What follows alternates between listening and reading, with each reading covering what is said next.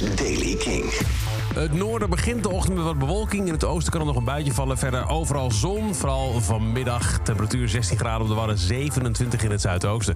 Nieuws over Rammstein, Primavera, Oasis en nieuwe muziek van Youngblood.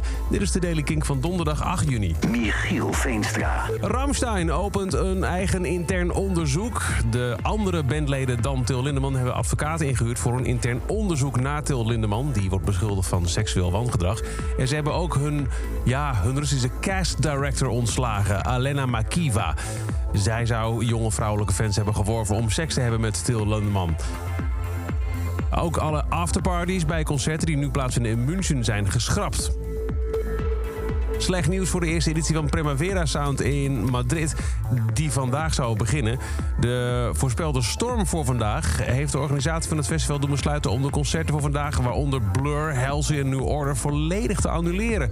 Vanwege het aanhoudende slechte weer van de afgelopen weken, dat invloed heeft gehad op de pre-productie van het festival en de ongunstige voorspelling voor donderdag 8 juni met zware stormen in de namiddag, is in nauwe coördinatie en in overeenstemming met het stadhuis en de lokale politie en volgens de aanbevelingen en overwegingen van relevante technische rapporten besloten om de donderdag van Primavera Sound Madrid te annuleren.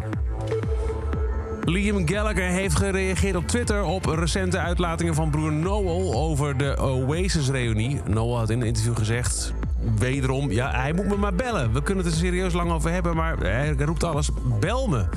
Hij heeft gewoon nog nooit actie ondernomen. Dat zei Noel over Liam. Noel beweerde ook dat geen van beide broers echt geïnteresseerd is in een reunie... en dat hij zelf prima tevreden is met wat hij nu momenteel doet in de muziek. Hij daagde nogmaals Liam uit om hem te bellen, maar betwijfelde of dat zou gebeuren.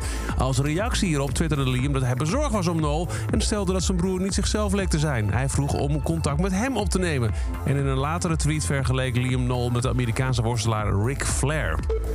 En Youngblood is terug met een nieuwe single, wat volgens hem een nieuw tijdperk inluidt. Ik schreef het nummer omdat ik mijn huis niet uit wilde, zei hij. Ik was mensen, gamen, mezelf, mijn vrienden zat. Telkens als ik iets deed of uh, iets uithaalde, had een of andere idioot wel een mening over wat ik zou moeten doen of zijn. En dat wilde ik niet. Dus schreef ik een nummer over en dat heet Low Life.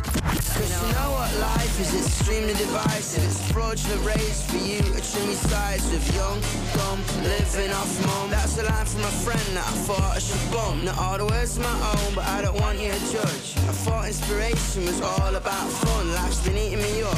It's poison my cup. And if I leave the house, I'll get hit by a truck.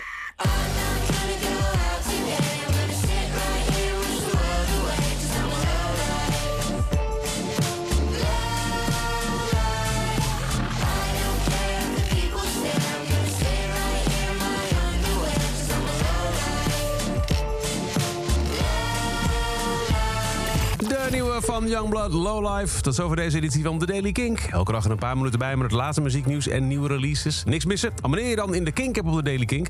Dan krijg je elke dag bij het verschijnen van een nieuwe aflevering... een melding op je telefoon. En voor meer nieuwe muziek en releases eh, en nieuws over de muziek... luister je vanavond weer vanaf 7 uur naar Kink in Touch. Elke dag het laatste muzieknieuws en de belangrijkste releases in de Daily Kink. Check hem op kink.nl of vraag om Daily Kink aan je smart speaker.